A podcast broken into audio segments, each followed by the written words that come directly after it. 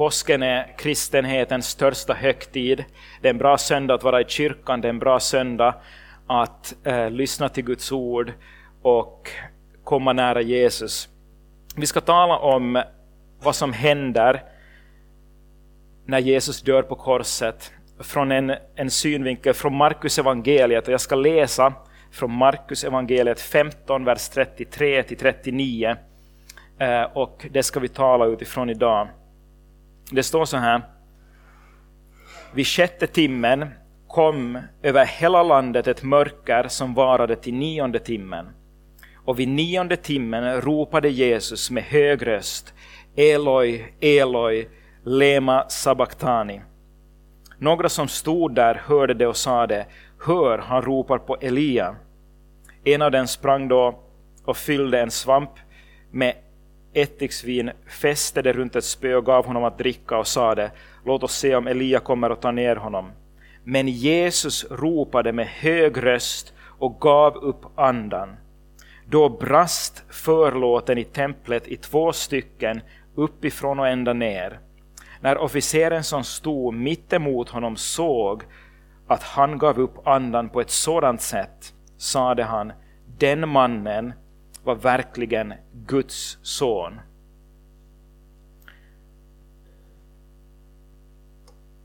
I den här texten finns faktiskt höjdpunkten i Markus evangeliet som vi kommer att komma till. Det, det klimaxet som Markus evangeliet jobbar mot och fram mot kommer fram i den här texten. Men en intressant sak är att alla fyra evangelierna, det finns fyra evangelier som alla berättar om Jesu liv. Alla fyra evangelierna så visar att nästan alla händelser kring Jesu död hände i mörkret. Har du tänkt på det någon gång? Jesus blir förrådd i mörkret i Getsemane, i trädgården. Petrus förnekar Jesus i mörkret. Förhöret och den här visa rättegången hos översteprästerna sker mitt i natten i översteprästens hus. Nu när vi kommer sen till att Jesus blir korsfäst och han lider på korset så kommer ett oförklarligt mystiskt mörker ner över dem vid sjätte timmen. Där står i alla fyra evangelierna. Och det varar till nionde timmen. Sjätte timmen är inte klockan sex på morgonen utan sjätte timmen är tolv på dagen. Mitt på dagen, när dagen borde vara som ljusast, så blir det beckmörkt när Jesus dör. Och det pågår i tre timmar fram till klockan 15, till klockan tre på eftermiddagen. Så när dagen borde vara som ljusast blir det beckmörkt när Jesus dör. Och många har försökt förklara det här på olika sätt. Någon har sagt att det, det kanske råkar bli en solförmörkelse när Jesus dog. Men eh, det håller inte. En solförmörkelse varar ofta i några sekunder till max någon minut och sen är det över. Det är inte beckmörkt i tre timmar. Och en solförmörkelse händer all, alltid vid fullmåne. Äh, händer aldrig vid fullmåne, utan vid nymåne. Och vid påsken, påsken infaller alltid vid fullmåne. Så det är omöjligt att det var en solförmörkelse. Någon har talat om att det var en sån här ökenstorm, en sirocco som blåser upp sand från öknen så, så att det blir liksom dagen mister sitt ljus i flera dagar. Men de infaller igen under torrperioden och nu är det regnperiod. Så det kan inte ha varit en ökenstorm heller. Det här är ett övernaturligt mörker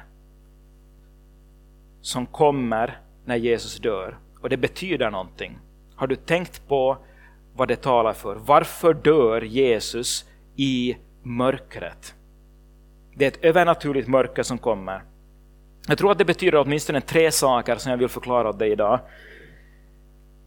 Det talar om för det första mörkret i oss. Det talar om för det andra mörkret som kom över Jesus. Och det talar för det tredje om hur Jesu mörker kan fördriva vårt mörker. Så låt oss se på det här. Mörkret i oss, mörkret i våra liv. Fysiskt mörker i Bibeln representerar andligt mörker. När Bibeln talar om mörker, på många ställen i Bibeln, så talar det om andligt mörker. Det är en bild för andligt mörker. Och Jesus, när Jesus blir gripen precis innan han blir korsfäst, så står det så här eh, att Jesus säger så här i Lukas evangeliet 22, vers 53. Trots att jag dagligen har varit bland, mitt ibland er i templet har ni inte gripit mig. Men detta är er stund och nu råder mörkrets makt. Jesus säger det före han blir korsfäst att detta är er stund. Nu är det den här världens härskare som råder. Nu råder mörkrets makt. Som fysiskt mörker i Bibeln en metafor, en bild för andligt mörker. Och vad är det andliga mörkret? För det första, när Bibeln talar om andligt mörker så syftar den på att vi människor, vi vänder oss bort och riktar oss mot någonting annat än Gud som centrum i våra liv. Och Det här är en orsak till att Jesus måste komma och dö för oss. Vi vänder oss alltså bort från Gud som är det sanna ljuset. Vi vänder oss bort från det som är livets källa och till någonting annat. Solen, man kan säga så här att solen är en källa till sanning, för det är genom att det finns ljus genom solen så kan du se och förstå allt annat, eller hur? Genom att det finns ljus så kan du se och förstå allt annat här i världen. Så ljuset, solen, är en källa till sanning. Solen är också en källa till liv. För utan solen vissnar växterna. Utan solen så överlever inte liv. Och därför är Gud enligt Bibeln en källa till både sanning och liv. Om ditt liv centrerar, centreras kring Gud, alltså om du bildligt talat kretsar kring solen, om ditt liv centrerar kring Gud som livets källa, kring ljuset, kring solen, då har ditt liv sanning, liv, glädje. Men om du centrerar ditt liv kring någonting annat, om du vänder dig bort från Gud och du kretsar kring någonting annat som är viktigare för dig än Gud. Du gör någonting annat till din källa för värme, för sanning, för ljus, för hopp. Låt oss säga att det är din karriär, eller en relation, eller familjen. Om någonting annat blir viktigare för dig än Gud, fast du till och med går i kyrkan och tror på Gud, fast du till och med går i Metsko. Om någonting annat blir viktigare för dig än Gud, så blir resultatet i det långa loppet andligt mörker. Då dras vi mot mörkret. Så vad är andligt mörker? Hur kan vi förklara andligt mörker? Vi har ju nästan överallt, alltid i den här världen så har vi ljus omkring oss. Vi har gatlyktor, vi har lampor i våra hem, städerna lyser upp så du kan se en stad på många kilometers avstånd så lyser det upp hela himlen. Så det är nästan aldrig beckmörkt i den här världen. Men om man går ut till ett ställe, till exempel när jag åker till stugan sent på hösten, kanske man har blivit försenad i starten och man åker ut i mörkret på kvällen. Det är inte fullmåne, det är nymåne, det är molnigt och du far ut på havet så ser du absolut ingenting utan lampor.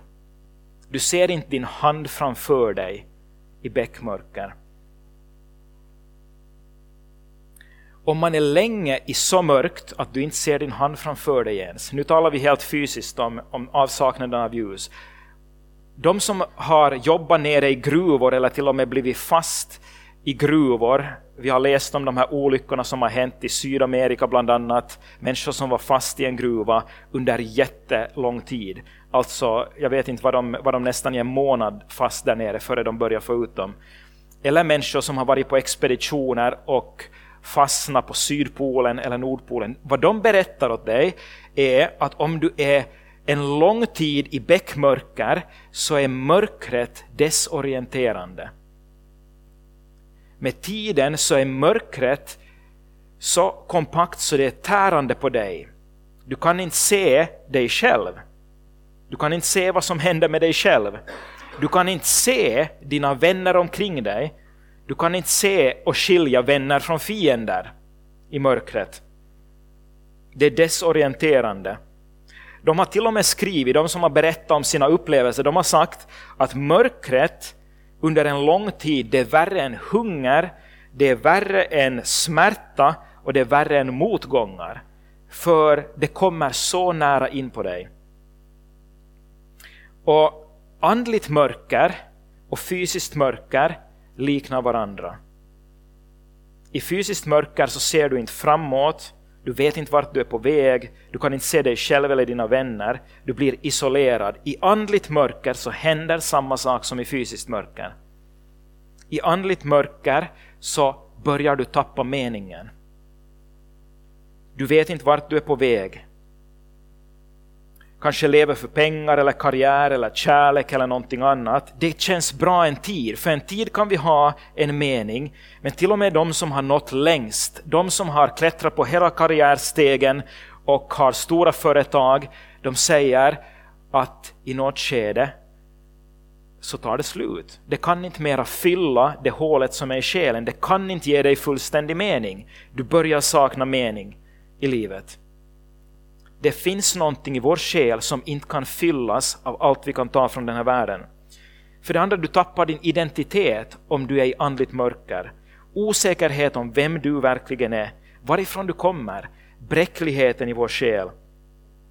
Vi börjar basera livet på mänsklig bekräftelse och prestationer och vi blir isolerade. Och i slutändan så leder andligt mörker till nedbrytning. Om vi tänker på början, hur allting börjar.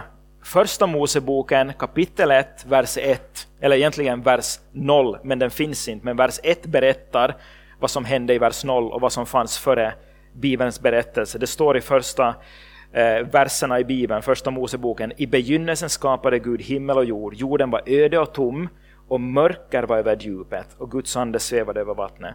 Det som fanns före världen skapades var tomhet, formlöshet, kaos och mörker. Det som fanns före världen ordnades upp, skapades till en skön, vacker värld, var kaos och mörker. Och man kan säga så här att när vi rör oss bortåt från Gud som är skaparen så, så rör vi oss också bakåt mot det som var före skapelsen. Alltså någonting börjar brytas ner, falla samman i våra liv när Gud inte är i centrum i våra liv. Det börjar desintegrera, falla sönder. Så vi ser det i vår värld som äktenskap som går sönder. Vi ser det i ångest, i psykisk sjukdom, skuldkänslor, hårdhet, samhället blir bara mer och mer självcentrerat. Allt handlar om en själv och ens egen, egen uh, vilja och vad vi vill få ut av det här livet. Man talar om att förverkliga sig själv. Inte om att hjälpa sin medmänniska, utan förverkliga sig själv. Det handlar om mig. Men vad händer om Gud verkligen ger det människan vill ha? Vad är det som människan i den här världen vill ha? Frihet. Människan vill ha frihet, han vill bli lämnad i fred. Gud, lämna mig i fred. Jag vill inte ha någonting med dig att göra. Vad skulle hända om Gud verkligen skulle lämna människor i fred? Helt och hållet. Du måste förstå det att det är Gud som uppehåller världen. Det är Gud som bär den här världen och det är han som är orsaken till att den här världen hålls och fortsätter snurra och att inte det finns bara ondska kvar i den här världen om Gud skulle plötsligt dra tillbaka sin närvaro, då skulle sönderfallet vara fullständigt i den här världen. Har du tänkt på de tio plågorna i, i Egypten? Man kan säga att det var bara en försmak på vad som händer när Guds vrede kommer och när, när Gud drar sin närvaro tillbaka. Solen gav inte mera sitt ljus. Vatten blev blod. Vattnet kunde inte användas som vatten mera. Det kom grodor med sjukdomar, flugor, myggor, varbölder, gräshoppor som åt allting. Det kom död och både för boskap och för människor. Och det här är bara en försmak av vad som händer om Gud helt och hållet drar tillbaka sin närvaro från världen. Det är domedagen. Gud kommer bara att ge människan vad människan vill, men den dagen kommer allt att falla sönder. Så det första vi ser när Jesus dör på korset i mörkret, vi ska inte sluta på en sån här vad ska vi säga, negativ, mörk plats idag. Vi ska sluta på en positiv plats. Men det är viktigt, du kan inte förstå korset, du kan inte förstå vad Jesu död på korset betyder om du inte förstår mörkret. Om du inte förstår varför Jesus kom. Han kom på grund av det mörka som finns. Det här är mörkret i oss, det är den första punkten. För det andra så måste vi förstå mörkret som kom över Jesus. Jesus dör på korset för vårt mörker, mörkret som kom över Jesus. Det står så här som vi läste i vers 34. Och vid nionde timmen ropade Jesus med hög röst Eloi, Eloi, lema sabachthani. Det betyder min Gud, min Gud, varför har du övergivit mig? Vad är det som händer när Jesus ropar ut Min Gud, min Gud, varför har du övergivit mig?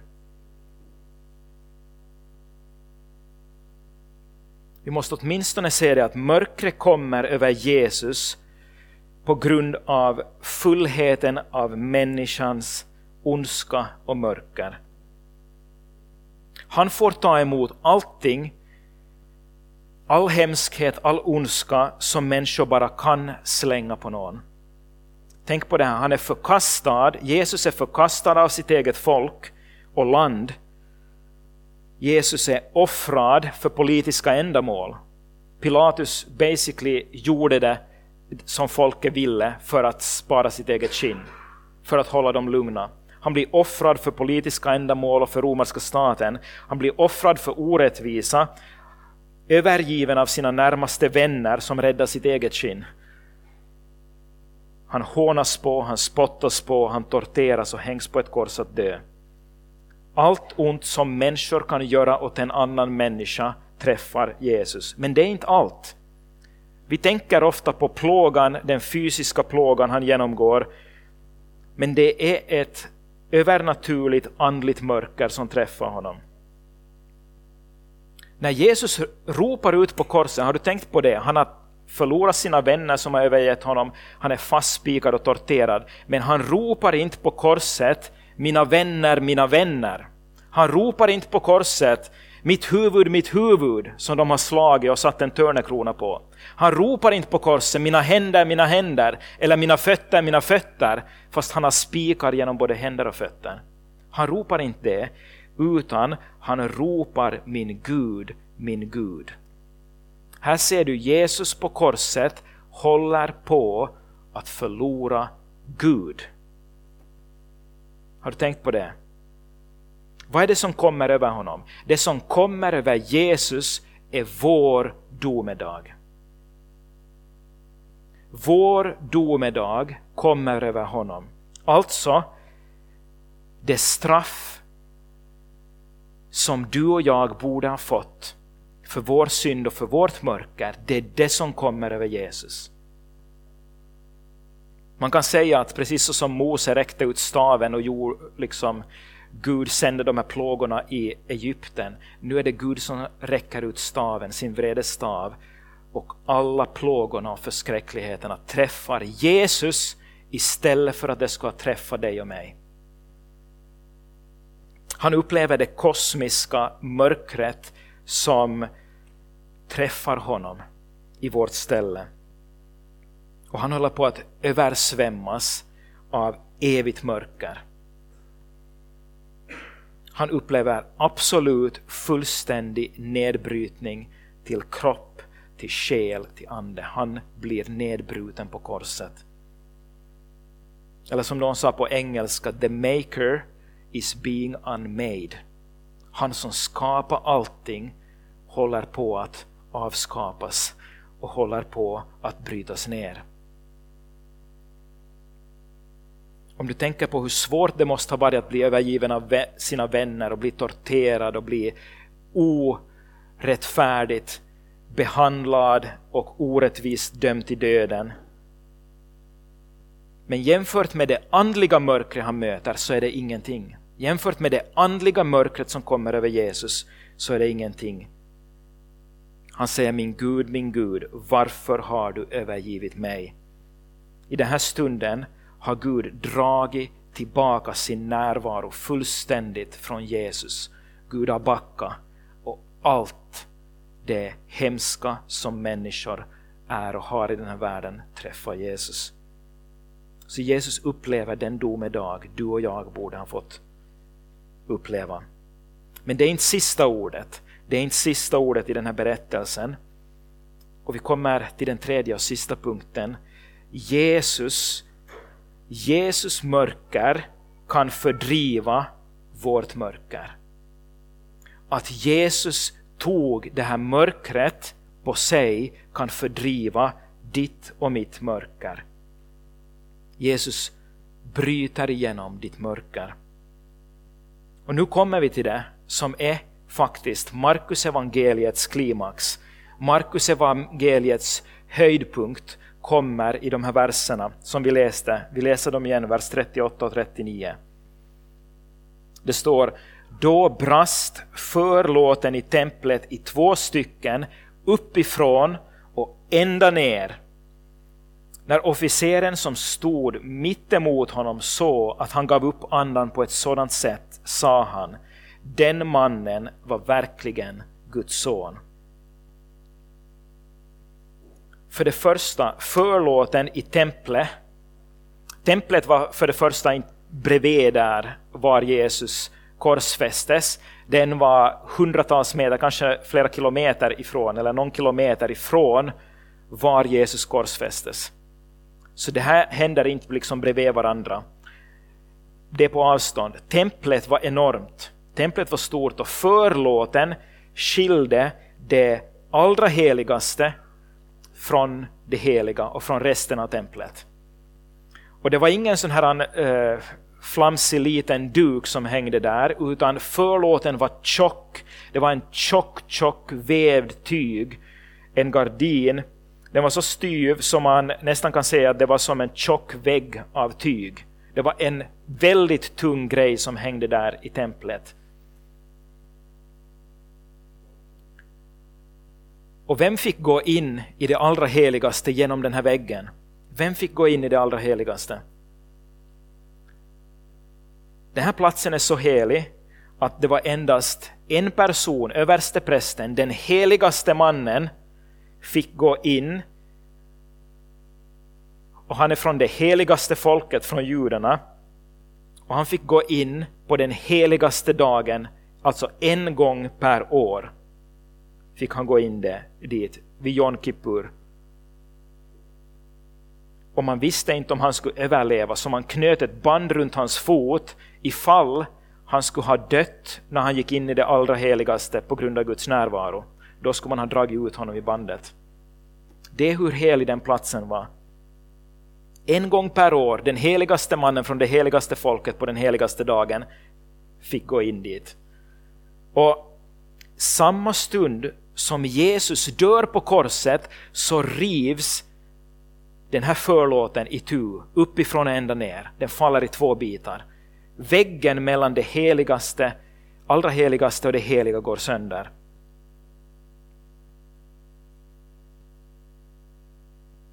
Bara så att du vet, det var Guds sätt att säga, det här offret, Jesus är det offer som avslutar alla offer för all framtid. Det behövs inget offer mera för människors synder. Nu får vem som helst gå in i det allra heligaste. Vem som helst kan komma till Guds närvaro som tror på Jesus och som säger Jesus förlåt mig mina synder. jag vill tro på dig. Vem som helst får gå in i det allra heligaste. Väggen är borta, barriären är borta, avståndet, muren är riven. Du behöver inte vara helig, du behöver inte ens vara moralisk. Vem som helst får komma till Guds närvaro som vill. Inte bara en man, en gång per år. Och för att vi ska förstå poängen med det, vem som får komma till Gud, för vem dörren är öppen, så har Markus berättat om den här officeren vid korset. Vi läser ganska snabbt förbi det. Jaha, det står en soldat där vid korset och tittar på Jesus. Jaha, han måste nog ha varit Guds son, det, där såg speciellt ut. Vi, vi tänker att det här var en vanlig händelse. Men du måste förstå hur stort det är som han säger. Hela Markus evangeliet börjar, vers 1 i Markus evangeliet säger här börjar evangeliet om Jesus Kristus, Guds son. Och genom hela Markus evangeliet så frågar människor, vem är han? Vem är han? Vem är han? Han botar sjuka, han undervisar, han hjälper människor. Han visar Guds kärlek för dem, han gör gott. Men alla frågar, vem är han? Vem är han egentligen? Genom hela Markus evangeliet är det ingen som kommer fram till det före en person, en soldat, en officer, en centurion som står vid korset och ser Jesus dö. Han är den första i hela Markus evangeliet som säger han måste ha varit Guds son. Har du tänkt på det? En hedning, en romersk soldat. Varför är det här speciellt? För han var en romare. Han var inte en jude. Han kände inte ens till judarnas väntan på Människosonen på samma sätt. För en romare så betydde Guds son Caesar. På varje mynt, ett romerskt mynt, så stod det inpräglat Tiberius Caesar, son av den gudomliga Augustus. De enda, det enda sammanhanget de använde Guds son var om Caesar. Och nu säger han om Jesus som dör på korset, Guds son. Varför blev det här en så stor vändpunkt i den här romerska officerens liv? Den här mannen är ingen lärjunge, han har inte följt Jesus, han är inte ens jude. Andligen så är han en mycket mörk man. Han känner inte för det första Bibelns sanningar eller ens jud, judarnas skrifter. Och många gånger, många gånger var officerare, högt rankade officerare i romerska armén, de var många gånger aristokrater. De hade fått sin position i armén, sitt ämbete hade de fått genom kontakter, genom sin status. De hade basically köpt eller fått bli uppbuffade till, till högsta status och de kunde då leda stora delar av armén. Men det här var en centurion. På grekiska står det centurion och det är en speciell sorts officer. De här är officerer som har börjat som soldater, de har blivit värvade till armén, de har börjat lägst ner, de har gått genom krigen, de har intagit städer, bränt ner byar, de har dödat för sitt levebröd. De är professionella mördare. Han har sitt troligen och gett åt andra mera död än vad någon av oss kan ens föreställa oss. Det här är en hård, en barsk man. Deras uppgift var också att övervaka avrättningar. Han har utsatt andra för mer våld än vad vi har sett under vårt liv. Fast du skulle se på actionfilmer. Han har sett så mycket död och varit brutal, en hård, en våldsam man under sitt liv. För att nå den här platsen, den här positionen som officerare så har han levt ett brutalt liv. Hur många människor har du sett dö? Alltså jag menar sett och varit med den stunden när någon dör. Jag har aldrig varit med om det ännu. Det närmaste jag har kommit var att jag var hos min vän Reino på sjukhuset kvällen innan han dog. Och följande morgon ringde de från sjukhuset, nu har Reino dött. Men jag har aldrig ännu sett någon dö. Vi ser inte något ofta, men den här mannen har sett troligen tiotals eller hundratals människor dö. Han har dödat själv och han har övervakat avrättningar. Det är någonting med Jesu död som är så annorlunda för den här mannen än allt annat han har sett under sitt liv. Så att det tränger igenom mörkret i hans själ. Och han säger det här som inget annat jag har sett. Den mannen måste ha varit Guds son. Någonting i Jesu död var så annorlunda. Känsligheten, mjukheten i hur Jesus dör, hur han tar på sig mörkret, har trängt igenom hans hårdhet. Skönheten i Jesu död har trängt igenom hans mörker. En man dör så som ingen någonsin har sett det förut. Han som är professionell på död han säger, jag har aldrig sett någon dö på det sättet. Och han konstaterar, det här måste ha varit Guds son. Vad var det han såg? Vad var det han kände igen i Jesu död? Min Gud, min Gud, varför har du övergett mig? Han såg Jesus bli dragen bort från den starkaste, djupaste, mest kärleksfulla ljusa relationen som någonsin har funnits mellan Fadern och Sonen i himlen. Det är svårt att förklara det. Skulle någon av er komma idag efter gudstjänsten och säga Stefan, jag vill aldrig se dig mera, jag vill aldrig prata med dig igen. Då skulle det göra ont. Det skulle vara hemskt. Men skulle, nå, skulle min fru komma och säga det till mig, jag vill aldrig se dig mera. Då är det förkrossande alla psykologer, psykiatrer, psykoterapeuter kan säga att det tyngsta en människa kan gå igenom det är att förlora sin livskamrat. Att förlora den man har älskat under lång tid.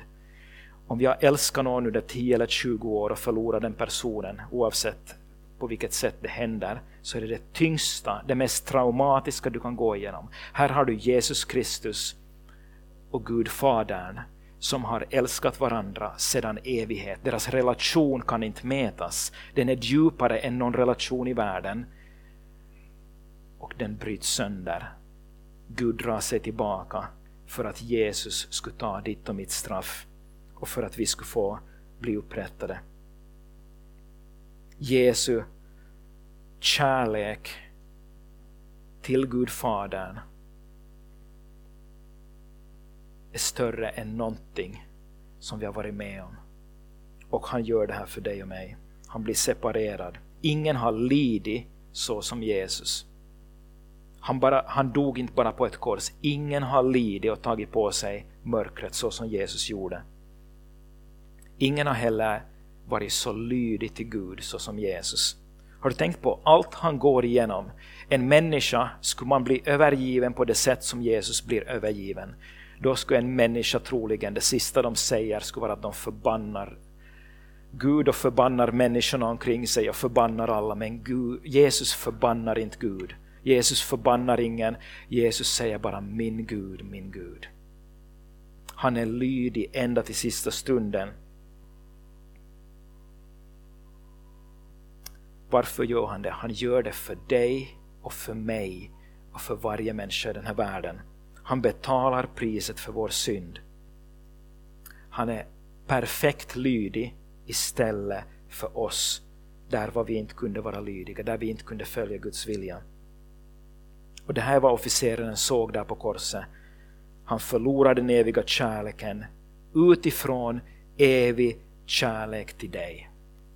Jesus förlorar den eviga kärleken utifrån evig perfekt kärlek till dig och mig för att föra oss tillbaka till Gud. För att vi skulle kunna vända oss till Gud som centrum i våra liv och få bli helade, förlåtna, få liv, få nytt hopp. Det är ingen skillnad vem du är. Det här lär oss officeraren som vänder sig och säger det här är Guds son. Det är ingen skillnad vem du är. Gud bryr inte sig om du är lönnmördare eller om du är prostituerad eller om du har gjort hemska saker hela livet. Det är ingen skillnad vem du är. Ridån är riven i tu. Du kan få komma till Gud. Du kan få lära känna hans kärlek. Du kan få bli förvandlad. Eller om du går igenom någonting riktigt tungt och svårt just nu och säger varför Gud, varför? Du har Jesus på korset som säger varför har du övergivit mig? Jesus säger precis samma sak som människor säger i svåra situationer. Jesus har varit där du är. Varför har du övergivit mig? Men om du ser på korset så kan du säga det är inte för att Gud är emot dig.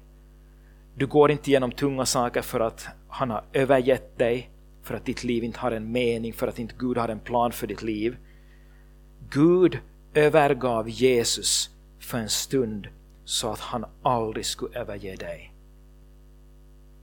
Det enda mörker som skulle ha kunnat förstöra dig, det totala mörkret, det förstörde Guds son på korset. På grund av Jesus, sen är han i graven i tre dagar. Han uppstår från de döda och han besegrar mörkret en gång för alla. Jesus är inte längre på korset, Jesus är inte längre i graven, han har besegrat mörkret. Och på grund av att mörkret träffar Jesus så kan ditt mörker bli skingrat. Korsets kraft kan förvandla till och med den hårdaste, brutalaste mördaren som såg på när Jesus dog på korset. Korset kan förvandla ditt liv. Det finns förlåtelse, det finns hopp, det finns liv för dig. För varenda en människa som vänder sig till Gud och säger jag vill tro på Jesus som dog för mig på det här sättet. Han led inte bara en fysisk smärtsam död, han led igenom allt det här andliga mörkret för att betala priset för vår synd. För varenda en människa som säger jag vill tro på det här så finns det glädje, ljus, liv, hopp för att fylla ditt mörker och skingra ditt mörker i Jesus Kristus. Vårt mörker är en liten, liten övergående tid i en ocean av kärlek och glädje som Gud har förberett för oss. Om du just nu lider så kan du veta att Jesus har lidit och han förstår sig på dig. Men hans kärlek kommer aldrig att svika dig. Han är med dig varje dag. Om du tänker på vad de här orden betyder. Ridån är riven. Min Gud, min Gud, varför har du övergivit mig? Om du tänker på de orden och säger det var för att jag inte skulle bli övergiven, för att jag skulle bli förlåten. Då kan Guds ljus, Guds liv och uppståndelsekraften från att Jesus har uppstått, det kan också tränga genom mörkret i ditt liv och förvandla ditt liv. Och det är min bön, det är min förhoppning att vi alla skulle få bli stärkta av det Jesus har gjort. Han har besegrat mörkret. Det finns hopp för varenda en av oss. Vi kan falla hur många gånger som helst, men Gud kan resa oss upp. För han älskar oss, han är ljus, han är hopp mitt i vårt mörker.